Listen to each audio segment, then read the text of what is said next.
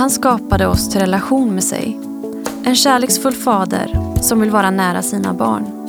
Han är inte långt borta eller oberörd utav din ångest eller dina problem eller din sorg.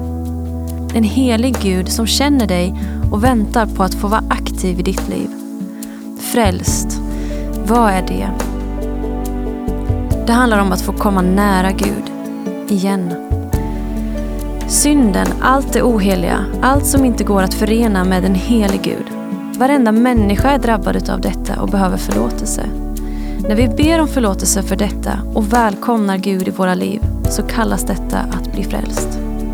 Vill du ge Gud chansen att vara din fader och din Herre så kan du be fritt från ditt hjärta, tala till honom direkt som du talar till en vän. Om du vill ha hjälp att be kan du be den här bönen efter mig. Herre, förlåt mig för min synd. Jag vet att jag har gjort fel emot dig. Men tack för att du förlåter mig och nu vill jag leva mitt liv med dig. Från den här stunden, när du har bett den här bönen, är Gud Herre i ditt liv och du är frälst. Bästa beslutet någonsin. Grattis! Sök upp en kyrka och berätta att du har blivit frälst. Be folk att be med dig och läsa Bibeln med dig. Vi gör detta tillsammans.